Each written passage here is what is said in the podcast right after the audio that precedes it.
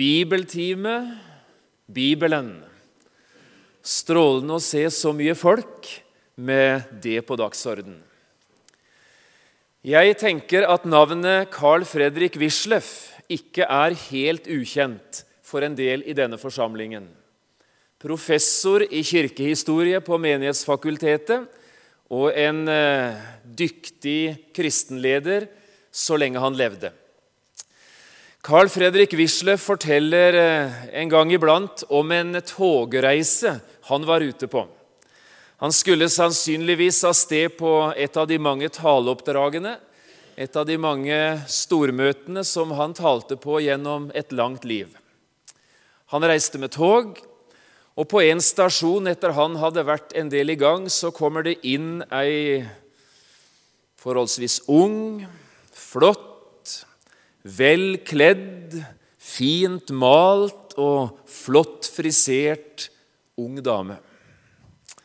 Og den aldrende professor gjorde sine tanker da, dette, da hun kom inn i kupeen.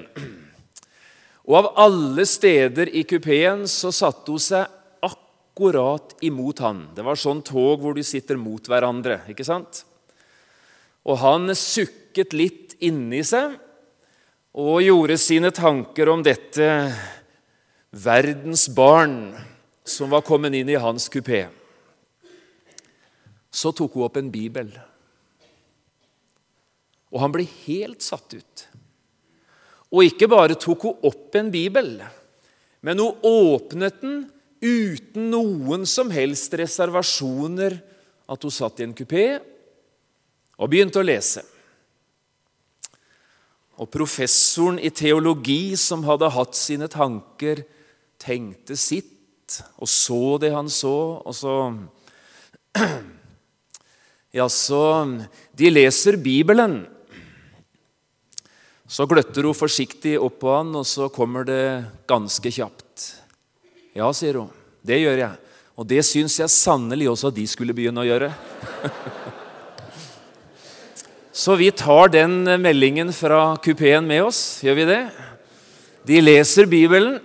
Det vil vi òg gjøre. Velkommen til bibelkveld i Salem. Her går det òg an å lese fra den boka. En av de ingrediensene vi fyller ei sånn møteuke med, er også et bord med forskjellige ting som står ute i foajeen her eh, utafor møtelokalet. På de par bordene som står der, så ligger det bl.a. en del ting som ser sånn ut. Dette er ikke bøker, det er CD-cover med fire eller seks CD-er inni hver. Dette handler om den programserien som jeg får lov å produsere i Kristen Riksradio, hvor jeg har hatt arbeidsplassen min de siste fem åra. En serie som heter 'Vindu mot livet'. De er som regel lagt opp sånn at det er serier, enten på 12 eller 18 programmer. Og På én CD er det tre av dem. 25 minutter bibelundervisning i sammenheng. Eh, en av de seriene som ligger der, heter 'Veien'. Den finnes også i bokform. Og så er det en del andre ting som ligner på dette der, men der temaene er litt forskjellige. Det er dere velkommen til å se på, og selvfølgelig også ta med dere ting, enten ved kontantbetaling eller i eh, bankterminalen, som eh, vår gode bokhandler har med seg til Salem også denne kvelden. Dette er én måte som vi prøver å spre ut, eh, i tillegg til de 40 lokalradioene vi samarbeider med, og internettmuligheten som vi bruker, de gode nyhetene om Jesus. Hvis du vil ha CD-er med flotte arrangementer, fancy tekster eh, helt Da må du ikke kjøpe den der. Den er sunget inn av en mann som heter John Hardang. Han akkompagneres av en eh, tolvstrengsgitar som han spiller på sjæl. Og han har foretatt 14 sanger til enkelt gitarakkompagnement. Hvis du har sans for sentrale tekster, tydelig tekstuttale og en som prøver å spille på gitar, ikke bare å slå, så kan du kanskje kikke på den. Og hvis du eh, tenker at enten du sjøl eller noen som du kjenner, har bruk for kristen sang og musikk, der ordene og teksten liksom ikke på noen måte skal hindres inn, da kan du kanskje til og med vurdere å kjøpe den. Og hvis du vil være med å støtte Kristen Riksradios store og flotte misjonsprosjekt, der vi forsøker å støtte brødre og søstre i Nord-Afrika og i Midtøsten Mange av de har ikke hørt om Jesus gjennom radiosendinger. 400 millioner mennesker bor i den regionen. Og halvparten er under 17 år. Da syns jeg du skal kjøpe den.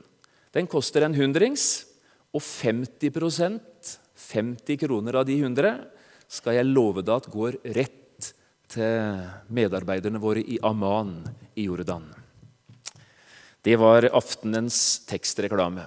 Det er ingen sensasjonell musikkutgivelse, men det er eh, en Jeg tenkte jeg skulle kalle den CD-en for 'Kan jeg få synge litt for deg?' Men jeg fikk høre at du kan ikke kalle en CD for 'Kan jeg få synge litt for deg?' Så det blei det ikke, da. Det blei 'Ser du hyrden'? Leonard Gudmundsens eh, nesten aller fineste, og kanskje en av de mest ukjente sangene han lagde. Men eh, hvis jeg kan få synge litt for det, så vil jeg gjerne gjøre det. I tillegg til å forkynne evangeliet, sånn som jeg gjør her, så har jeg noen lidenskaper i tillegg til det der. da. Og en av de har med sang og musikk å gjøre. Dvs. Si sangtekster, melodier og det som er bakom. En sangtekst har jo alltid en historie. Det er et menneske bakom. Det er en historie og noe som har født disse ordene. Den siste boka jeg fikk lov å skrive for halvannet år siden, den ser sånn ut. Den heter 'Lyset fra Golgata'. Det er en bok om 20 mer eller mindre kjente sanger. En god del mer kjente.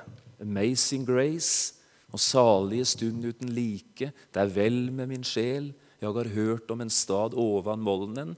Og så en tre-fire fra Telemark, selvfølgelig, som må med. Hvem har skrevet dette her? Hvorfor ble disse ordene skrevet? Og hvordan har Gud brukt akkurat denne sangen? Det er et fantastisk område å arbeide med. Hymnologi heter det på fint. Det har jeg lært etter jeg begynte å skrive.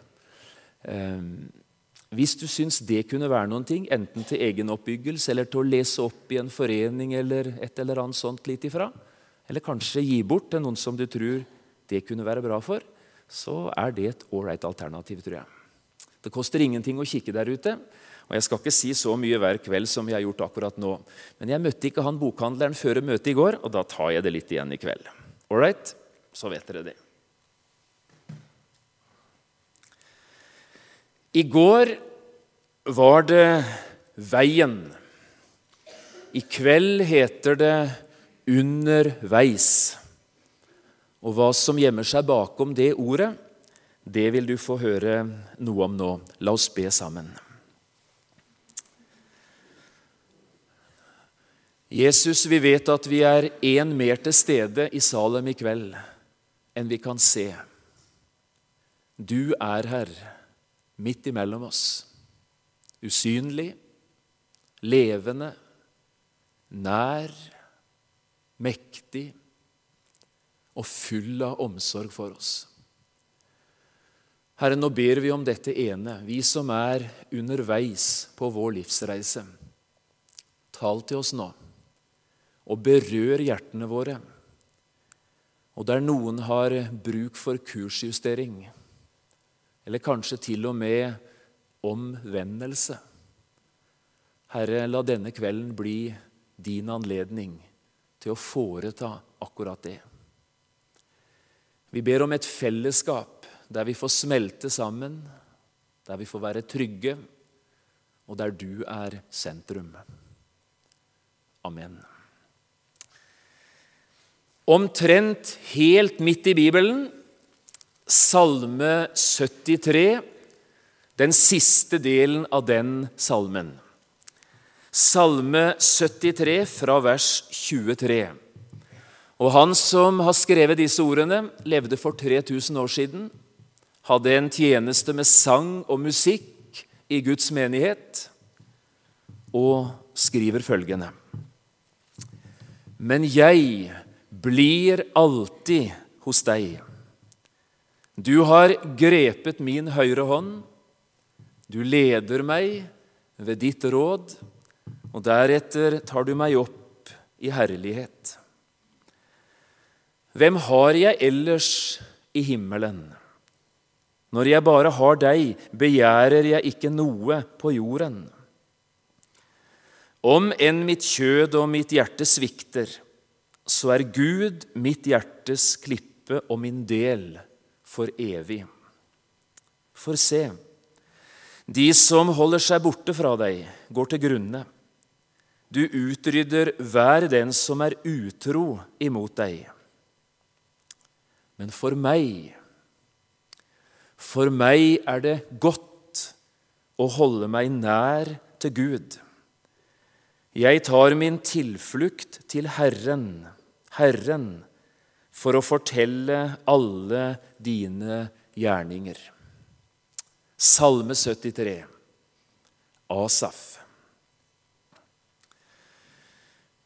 Omkring 1902 ble Finland rammet av en omfattende epidemi, tyfus. Og et av distriktene som var hardest rammet, var områdene omkring Lappo. To år før epidemien brøt inn, eller brøt løs, fikk de i Lappo ny sogneprest. Wilhelmi Malmivara eller Wilhelm Malmberg i svensk versjon. Vekkelsesprest, 46 år gammel, med én kone og flere barn, sånn som jeg også har det. Eh, allerede etter ett år gikk det gjetord i hele området om denne utrolig flotte formidleren av Guds ord. Men tyfus er ubarmhjertig, og den vesle jenta Aila ble smittet. Mor, som pleide denne vesle jenta på bare noen ganske få år, gjorde det med mye frykt. Tenk om vi skulle miste jenta vår. Og med masse omsorg. Det var ingen å miste. Men eh, jenta måtte gi tapt, og en dag sto den vesle prestefamilien ved en barnegrav og tok farvel med Aila. Det som skjedde, var at mor, under stell og omsorg av denne vesle jenta, selv ble smittet. Og i løpet av tre måneder grov Wilhelm i Malmivara tre graver. Ailas, sin kones og så enda ei jente. Tre på tre måneder. Livsreisen er ikke alltid enkel.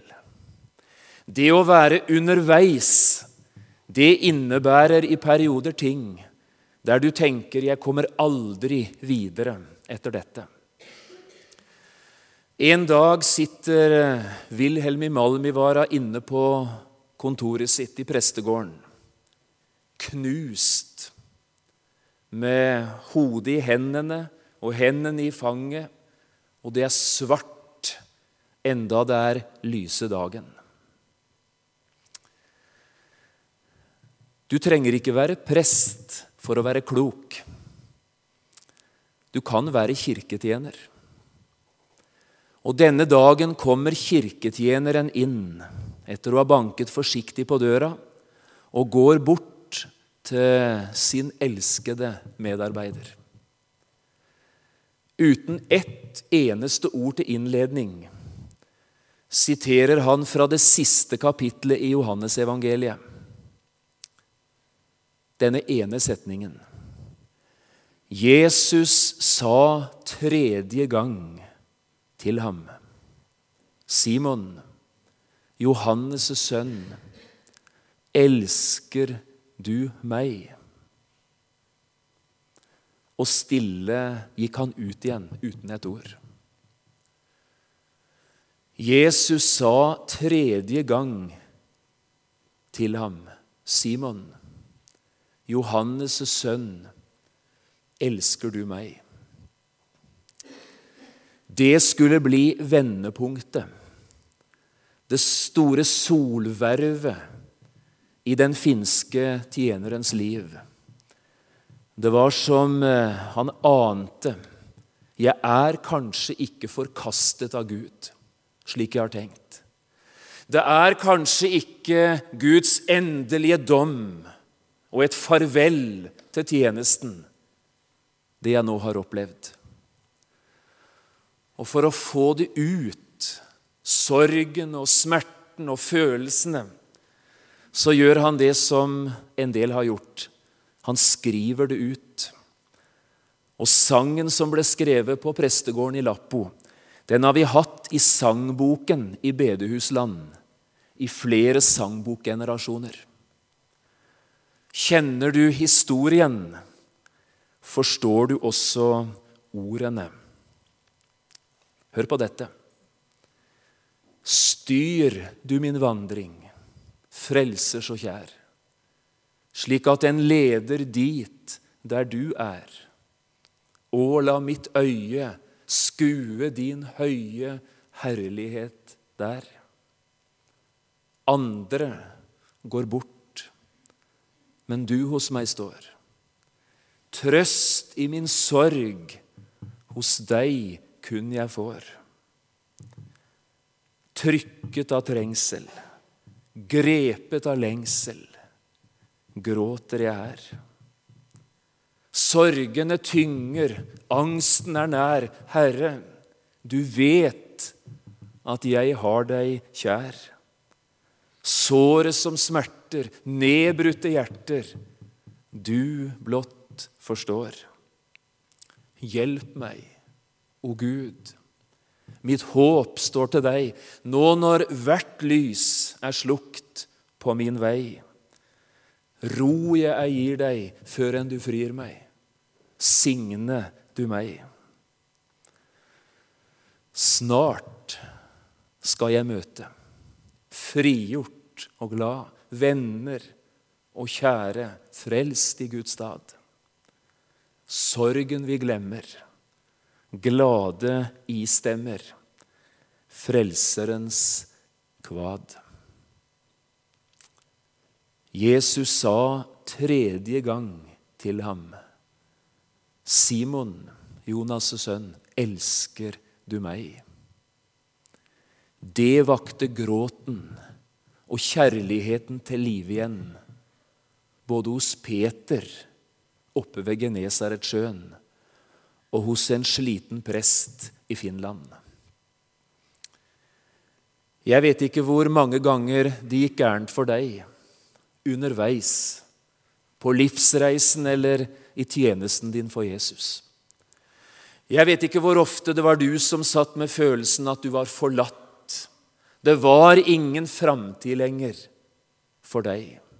Én gang, eller tre ganger som her, eller eh, hvor mange det nå var. Jeg har så lyst til å si mørket får aldri det siste ordet der Jesus er. Aldri. Livskrisa får aldri sette punktum i det menneskets liv som vil ha med Jesus å gjøre. Aldri. Natten blir ikke det siste for deg som hører Herren til. Det ender med dag. Det trengs ikke en tyfusepidemi for å kjenne seg forlatt av Gud. Det trengs ikke tre familiegraver gravet opp på tre måneder for å tenke det nytter ikke lenger. Det er endestasjon. Det er stopp. Det kan en oppleve også i en situasjon som er representert i Salem i kveld. Du er kanskje omtrent her. Du er ikke riktig sikker på om det er en framtid. Denne kvelden skal det lyde det er en framtid. Det kommer noe mer. Mørket skal ikke sette punktum. Vær ganske sikker. Det er en forbindelse mellom Finland og Israel. Det er en forbindelse mellom en finsk prest og en jødisk sangleder. Det er noe felles mellom Wilhelmi og Asaf. De er underveis, og det er krisetider. Det høres egentlig ikke sånn ut når vi leser fra begynnelsen av det jeg leste høyt fra Salme 73 i kveld. Det høres mer ut som en festtale eller innledning til et lovsangsmøte. Jeg blir alltid hos deg.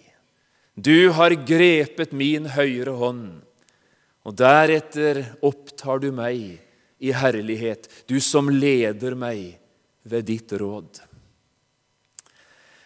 I møtet i går talte vi litt om livsreisen. Og vi sa noe om at enhver reise, også livsreisen, har en begynnelse, en avslutning og en reisestrekning.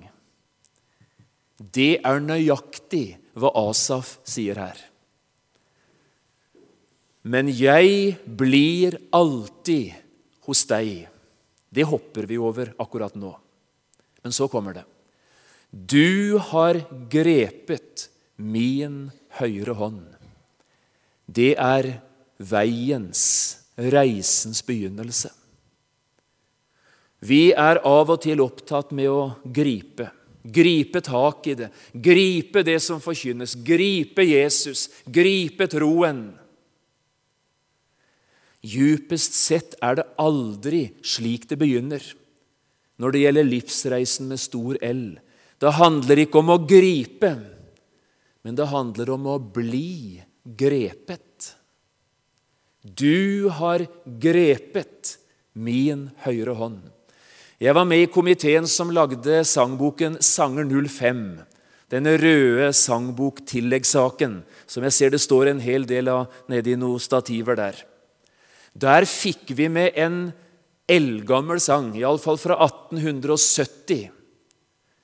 Jeg har prøvd å gripe Jesus. Nå har Jesus grepet meg. Jeg har båret tungt på troen. Tenk, nå bærer troen meg.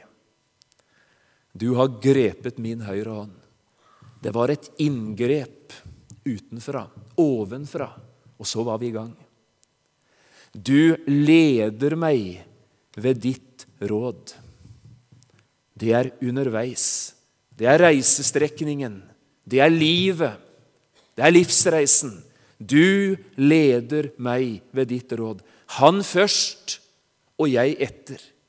Og det jeg møter, det har han møtt før meg. Og det jeg møter, må han til og med på en eller annen måte ha tillatt at jeg skulle møte. Du leder meg ved ditt råd. Hvordan han leder, jeg forstår det ikke alltid, men han leder sånn som han ser best og deretter. Det ender alltid med et 'deretter' for den som er på livsreise med Jesus. Og deretter tar du meg opp i herlighet. Reisens avslutning. Der har du det. Det er ikke mye krisebetont. Det er ikke mye livskrise å spore i setninger som det der. Men bakom disse ordene ligger en knalltøff etappe og en dyrt kjøpt livserfaring som Asaf prøver å sette ord på under overskriften 'Underveis' i denne salmen. Og Nå skal vi gå bakom disse tre setningene som er lest, og se hva vi kan finne. Vers 23 den begynner sånn, denne formuleringen. men jeg blir. Hva mener du med det, Asaf? Hva mener du med å si at 'jeg blir'? Hadde du tenkt å gå? Om jeg hadde tenkt å gå? Jeg var fast bestemt på å snu ryggen til. Jeg hadde gjort opp. Jeg går. Men så skjedde noe, og så blir jeg likevel. Men jeg blir alltid hos deg. Bakom det der ligger krisa. Jeg tror det er holdt ganske mange taler med utgangspunkt i Salme 73 i denne forsamlingen. Dette vet jeg jo ikke, men jeg tipper. Fordi denne forsamlingen og dette huset kanskje ikke er så forskjellig fra andre lignende hus og lignende forsamlinger. Det er ikke fullt så mange som taler om de 22 versene som kommer foran. Men det er her, underveis, det kompliserte er å finne i Asafs liv. Og Nå vil jeg prøve å gi deg en liten sånn tur innom, og så aktualisere det så dette blir relevant for det livet vi lever, du og jeg, i dag. Det begynner strålende i Salme 73, med et av de mest positive ordene som finnes i verden.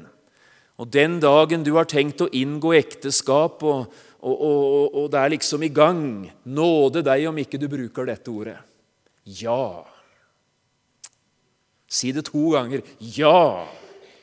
Og så er du i gang. Ja, står det her. Ja, Gud er god. Er det noe som er sant, enten det er natt eller dag, enten det er oppoverbakke og motvind eller nedoverbakke og medvind, er det noe som alltid er sant, uavhengig av lys og temperatur og vindstyrke, så er det at Gud er god. Ja, Gud er god, og er det noen som har opplevd, kanskje mer enn andre, at Gud er god, så er det det folket som kalles for Guds folk. Ja, Gud er god mot Israel. Er det noen som skulle ha anledning å, å vitne, fortelle personlig om hvor god Gud er, ja, så er det mennesker som oss, er det ikke det? Håper du gjør det. Håper du sprer de gode ryktene om Gud der du lever hver dag, at Gud er god. Det er ikke alt som er galt. Gud er god mot Israel. Og er det noen i Guds forsamling som har aller størst grunn til å si at Gud er god, så er det de rene av hjerte, som det står her. De rene av hjerte, det er ikke engler. Det er ikke syndfrie mennesker. Det er ikke dydsmønstrene og prakteksemplarene og alle de som har sitt på det tørre. De rene av hjerte, det er de som var skitne, men som er rene fordi det var en som renset. Det var ei hånd som slettet. Det var noe som ble tatt bort. Og den som ikke var ren, han ble renset takket være en Gud som elsker å frelse folk, og som lengter etter å tilgi. Overgangen til vers 2 er som et sjokk. Når et bibelvers begynner med 'men', da skal du følge nøye med. Da handler det ofte om kontrast, om noe i motsetning til. Altså det som nå er sagt. Nå kommer kontrasten. Ja, Gud er god mot Israel, mot Irena av hjertet, men, men jeg Jeg er akkurat det motsatte av det Gud er. Men jeg Og det er akkurat som Asaf må svelge flere ganger. Og så setter han en tankestrek for liksom å få pusten igjen. Skal jeg våge å si det jeg, det jeg har lyst til å si nå? Ja, så våger han. Men jeg Nær hadde mine føtter snublet. På lite nær var mine trinn glidd ut. Det var nummeret før det ikke var underveis lenger. Jeg var rett før jeg gikk i grøfta. På lite nær, en halv meter unna. Hva var Asafs krise? Nå kommer det. Han var begynt å gå baklengs til himmelen. Nå kommer kveldens deal, eller avtale. Er dere med på det? Vi gjør en avtale. Fra du reiser deg her eh, etter at møtet er ferdig sånn bortimot ni, så går du baklengs resten av dette døgnet. All right? Baklengs ut møtesalen, baklengs ned trappene, baklengs ut på fortauet, baklengs inn i bilen, baklengs til kveldsbordet, baklengs i seng. Hvis du da ikke har ramla først og brekt lårhalsen eller stua armen eller slått deg i bakhuet eller Du skal slippe den avtalen, selvfølgelig. For å gå baklengs, det er et risikoprosjekt som aldri ender godt for den som prøver det. Og én ting er jo en fredag kveld å teste det ut et par-tre minutter. Men når hele livsreisa består i å gå baklengs, da aner vi at nå er det fare på ferde. Hva skjer når du går baklengs? Du mister fokus på hvor du har tenkt deg hen. Du mister blikkontakt med det som er målet og retningen du blir opptatt i blikket ditt og sinnet ditt med det som er bak deg eller rundt deg, men ikke med det du har der framme. Å gå baklengs til himmelen er skumle saker. Jeg har lyst til å spørre Åssen går du til himmelen? For du har tenkt deg til himmelen, har du ikke det? Åssen går du til himmelen? Hvor er blikket ditt hen? Hva fokuserer du? Hva er det det handler om? Hva er det du styrer skrittretning og prioriteringer etter? Hvor har du blikket ditt hen? Asaf begynte å gå baklengs. Vet du hva han ble opptatt med? De andre. Og særlig sånne som ikke brydde seg med Gud som ikke tok tid verken til å lytte til forkynnelse eller lese i noen bibel eller be noen bønner eller snakke med Herren om synd og tilgivelse. Han ble opptatt med sånne som ga en god dag i alt det der. Og vet du hva han oppdaget? De hadde det bedre enn han hadde det. Det så ut som de var lykkeligere, mer ubekymra. De slapp å slite med dårlig samvittighet hadde aldri noen sånne problemer med at de skulle ha vært der, eller de skulle ha gjort det, eller de burde jo ikke ha gjort dette. For de brydde seg ikke. Når vi begynner å miste fokus, så er det utrolig hvor fortegna en del ting blir. Og Nå skal ikke jeg lese gjennom alt det som kommer, men jeg skal sitere en par-tre uttrykk for deg, så skal du høre hva Asaf sa. Jeg er helt sikker på at han mente det ikke sjøl engang. Jeg er helt sikker på at han lukket øynene og tenkt seg om, så hadde han sagt det holder ikke, det jeg sier nå. Men det var sånn han tenkte. Og det var dette som tok fatt i han, og som gjorde at han holdt på å gå rett i grøfta. Vet du hva han sa? Vers 3. Det gikk de ugudelige vel. Det betyr mennesker som ikke bryr seg om Gud, aldri er opptatt med Gud, og ikke går ett skritt i retning av Gud. Det gikk dem vel, sier Asaf. Tror du han trodde på det sjøl? Det er klart han gjorde ikke det, men sånn så det ut. Mens jeg derimot, sier han, jeg må slite både med det ene og det andre, enda jeg har sagt jeg vil ha med Gud å gjøre og har tenkt meg til himmelen. Det er de andre det går godt. De er fri for lidelser, står det. Tror du han mente det? At hvis du bare ikke bryr deg om sannheten og om lyset og om himmelen og om Jesus og om tilgivelsen, så er du kvitt alt som heter lidelser. Tror du han mente det? Det er klart Han gjorde ikke det, men sånn så det ut. De er fri for lidelser, ikke bare ei kort tid, men inn til sin død. Sånn står det her. De er fri for menneskenes plager. Det er akkurat det som jeg og mine likesinnede, alt det der vi drasser med og er plaget med og strever med, det er akkurat som de er kvitt alle sånne bekymringer og alle sånne tanker. Og Så begynner Asaf å tenke betaler det seg? Hvorfor skal jeg innrette livet mitt etter Bibelen? Hvorfor kan jeg ikke leve på andre menneskers vis? Og tro på at det nytter å be, sånn som du opplever det? Er det noen her som har slåss med at bønnene er forgjeves? Her i Salem ber dere om vekkelse i Salem. og Da tenker jeg på vekkelse liksom i dette der at det, det er noe som tar tak i byen og berører folket. De går ikke på et møte, men de snakker om det. Nå er det noen ting som skjer. Ber dere om sånne vårvær eller besøkelsestider, eller hva en skal si? Ja, sier noen her. Det har vi bedt om i Stavanger i mange tiår. Ja, og mange ganger har det vært sånn da de siste 30 åra. Ikke én gang, sier du kanskje. Og så har dere bedt og jobba for det i 30 år. Nytter det å drive med sånt arbeid som dette her, da? Nytter det? Nå hørte jeg at det er, ikke, det, er, det er ikke mange dagene siden i dette huset her at dere har sett at et menneske har gitt livet sitt til Jesus. Det er blitt et menneske født om igjen her i 2008. Det er det ikke alle forsamlinger i Norge som har opplevd. Det kan jeg love dere. Og det er forsamlinger som har holdt på i 30, 40, 50, 60 år. Og i løpet av den tida så er det ikke én, iallfall direkte i forsamlingsarbeidet, som de har sett bli kristne. Er det rart at sånne folk tenker nytter det det vi driver med? Forgjeves. Du strever med en sykdom. Du strever voldsomt i ekteskapet ditt.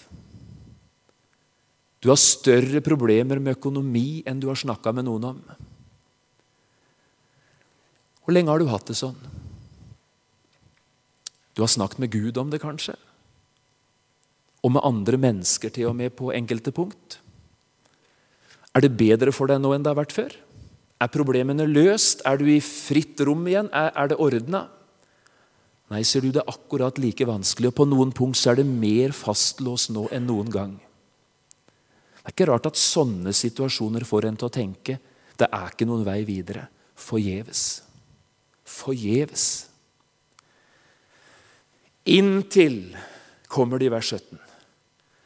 For disse fortvilte, tunge tankene som trekker ned og fører i grøfta de fikk ikke siste ord i Asafs liv. Inntil jeg gikk inn i Guds helligdommer. Kanskje var det i tempelet. Kanskje var det noen som leste fra gamle skriftruller. Kanskje var det en sang eller under et bønnefellesskap eller på en høytid i tempelet. Jeg vet ikke. Men Asaf kom iallfall i berøring med Gud på nytt. Og den måten Herren berørte han på, snudde situasjonen, så han igjen fikk fokus. Se på vers 17. Hør på vers 17. Inntil jeg gikk inn i Guds helligdommer og la merke til hvordan det gikk dem, disse andre, som var fri for lidelser og ikke hadde problemer, og som vokste i antall, og som var verdens hurtigst voksende fellesskap, de ugudelige. Jeg la merke til hvordan det gikk dem til slutt. Og så fikk Asaf fokus igjen. Hva hjelper det å danse seg gjennom livet hvis jeg danser meg inn i den evige død? Hva hjelper det om livsreisa er en fest hvis festen er tilbakelagt i tiden og evigheten er tårer og mørke og utenfor? Hva hjelper det med en kort etappe med bekymringsløs rus hvis jeg er på vei inn i det evige utenfor? Hva nytter det? Den som går baklengs til himmelen, han mister det der. Den svenske erkebiskopen Nathan Söderblom skrev for en del tiår siden ei bok som han kalte Evigheten och ögonblicket. Evigheten och ögonblicket. Hvor mye eier du, du som sitter her og ser på meg nå og hører på meg? Hvilke ting i livet ditt sier du om at dette er mitt? Dette er min eiendom, dette eier jeg. Dette kan ingen ta fra meg. Hva vil du nevne når jeg spør deg hva du har, og hva du eier, og hva som virkelig er ditt. Skjærer vi helt inn til beinet, så er det meste av det vi tror vi eier og har, og som ingen kan ta fra oss, ting som vi ikke eier. Ting som vi kan miste før vi veit ordet av det. Og ting som vi før eller siden må gi slipp på. Helsa vår. Jeg har vært frisk nesten som en fisk i 54 år. Jeg har vært innom sjukehus et par ganger på noe sånn småtteri. Sist så laseropererte de noe i, i auet mitt, og jeg svimte av, jeg i tosken inne på det der. der. Eh, etter å ha blitt skutt 200 ganger, så plutselig så la jeg merke til at legen løfta beina mine opp på en stol. Jeg lurte på hvor er brillene mine hen. Nei, du var på vei i gulvet, sa han til på det nivået ligger det med meg. Men en dag så må jeg slippe helsa mi og pengene mine. Og det er ikke tid igjen for meg her i livet. Og ungene reiser ut, og familien forsvinner, og venner kan svikte. og Jobben er borte, og jeg er pensjonist, og snart er jeg ikke det heller. Altså Det meste av det vi fyller livet vårt med, og hverdagen vår med, det fokuserer vi som om vi skulle eie det og ha det og leve med det som bestandig, liksom. Men det er ikke sant. Det er lån. Det er noe du forvalter og har fått disposisjonsrett i dager eller år, eller kanskje nesten gjennom et helt liv, men en dag så forsvinner det. Hva har et menneske? To ting. Evigheten og øyeblikket.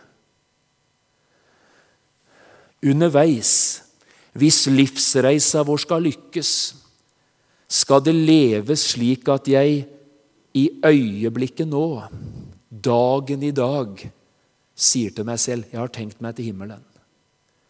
Jeg vet det venter en evighet. Og Gud, hjelp meg i dag å ta de skrittene som er riktige skritt. Slik at det fører meg ett skritt nærmere dit jeg har tenkt meg. Det er livet. sitter masse unge mennesker her. Snakk sammen. Tenk igjennom for deg sjøl. Hvordan forvalter jeg pengene mine? Tida mi? Leiligheten min? Hjemmet mitt? Utdanningen min? Eh, vennene mine? Hvordan forvalter jeg dette jeg har? Kan det sees i måten jeg er på og lever på? Her er det en som tenker lengre og videre enn bare vogge grav. Det var da dette gikk opp for Asav, at han fikk hjelp til å få fred med seg sjøl, at kreftene blei frigjort igjen til å tjene andre. Den som mister fokus, er ikke bare i fare selv, men han eh, mister overskuddet og trangen til å tjene andre mennesker. Du blir en dårlig medvandrer og ingen veileder. Jeg skal øyeblikk inn i målområdet. Vi har hele Kirkens historie, og ikke minst de siste par tiårene, også her i Norge, vært ridd av en ganske bestemt måte å tenke på i livet. Og det er dette. Gud er en god Gud. Gud er bare god, og alle gaver som Gud gir, det er gode gaver. Hvis det er noe som ikke er godt, eller som ikke smaker godt, så er det ikke Gud. For Gud er positiv og god, og han unner oss bare det beste.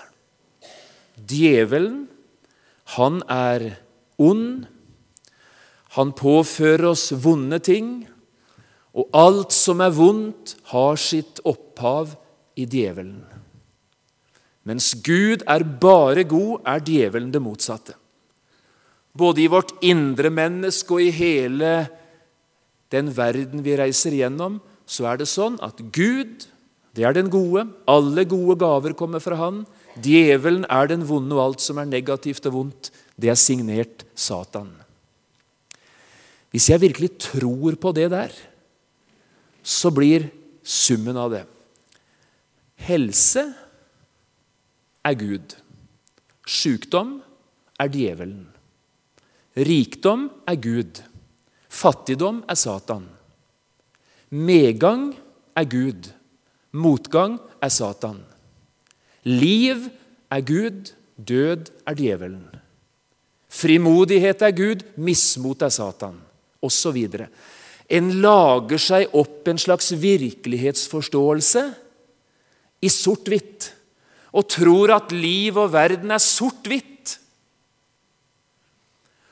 Og så får du alt dette her av teknikker til liksom å søke helsa og rikdommen og medgangen og alt dette her er tilsynelatende gode. Og alt som måtte være på den andre siden av streken, det er djevelen. Blir jeg sjuk, så er det Satan. Mister jeg jobben, er det djevelen. Er det noe som går imot, så er det Satan. Og så blir hele livet en sånn sort-hvitt-kamp. Det er en uhyggelig farlig måte å tenke på. Det var dette der Asaf i bakhuet sitt begynte å tenke. Og så holdt det på å gå gærent. Det går ikke an å tenke sånn.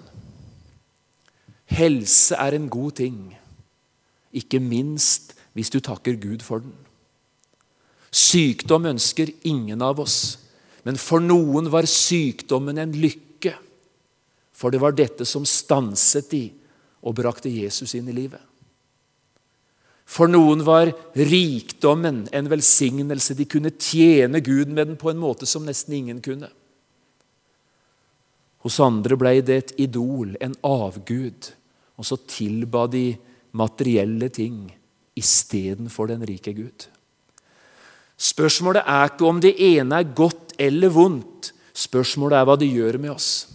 Hvor tar det oss med hen? Underveis har vi talt om i kveld. Og saken er denne hva du møter, frisk eller sjuk, motgang eller medgang. Hva gjør det med deg? Hvilken retning setter du ditt neste skritt? For meg er det godt å holde meg nær Gud. Sånn avslutter Salme 73. For meg er det godt å holde meg nær Gud. I det danske så står det at å leve, at leve Gud nær, er min lykke. Vi er ved avslutningen av denne bibelvandringen.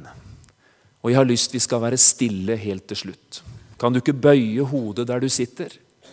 Og Har du godt av å gjøre det sånn, så lukker du øynene dine, og så er du litt i ro med deg sjøl. Det du har hørt om i kveld, har med å være underveis å gjøre. Hvor er du på vei henne?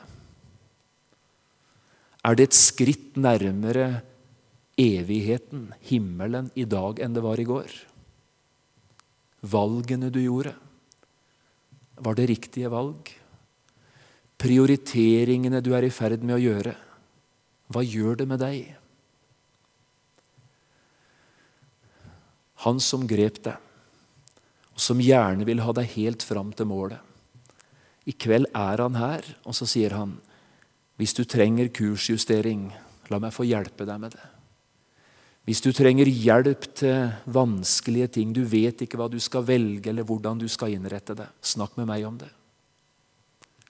Så hører Gud slikt. Når jeg nå ber med ord som alle kan høre, så kan du be stille inni deg. Og sett nå ord på det i forhold til Jesus, det du tenker på der du sitter. Det sitter kanskje noen i en forsamling som dette som vet at det står i Bibelen det som to og tre av dere er enige om å be om, det skal gis dere av min far i himmelen. Hvis det var noen som konkret syntes det var godt med ei hånd eller et ord å si 'be konkret for meg i kveld', for jeg har noe jeg trenger hjelp til. Kan du ikke være så tydelig og ærlig? Jeg ser dere fall, og andre ser deg ikke. Så vil vi be for deg som gir deg til kjenne helt konkret. Ja, Gud velsigne deg. Gud velsigne deg.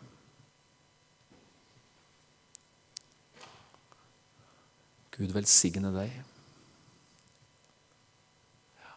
Gud signe dere bak der. Gud signe deg. Det viktigste som skjer også i kveld, det er det som skjer nå. i forholdet mellom deg og Jesus. Underveis Gud gi det ble et skritt i riktig retning i kveld. Gode Far i himmelen. Du som taler til oss gjennom ditt ord, og som har berørt hjertene våre også denne kvelden. Ingen vil så sterkt gi oss det gode livet, både i denne verden og i den kommende, som det du vil. Vi ber for hverandre, Herre, la oss bli i himmelen sammen, vi som var det her på jord. Og la livsreisa i hvert eneste menneskeliv som er her, være preget av det. Vi vet hvor vi skal, og derfor lever vi som vi gjør, og tjener på den måten vi gjør. Så var det en del mennesker som kjente på det var godt å si det tydelig, be konkret for meg i kveld. Og nå gjør vi det, Herre. Vi har med oss en hel flokk av søsken, av medvandrere til deg. Og du som ser mer enn ei hånd, du som ser hjerten og kampen og det vanskelige. Herre, kom disse menneskene i møte. Vær god imot dem, og gi fokus der det er i ferd med å gå galt. Vi ber, Herre, om det skulle sitte en her som ikke engang har begynt på himmelveien, men som virrer omkring. Herre, kall på en sånn og, og spør skal ikke du begynne i kveld. Så velsigner du avslutningen av møtet vårt, forbønnsdelen til slutt og bibeluka vår videre. Amen. Nå skal Kari Birgitte synge litt for oss. Vær så god.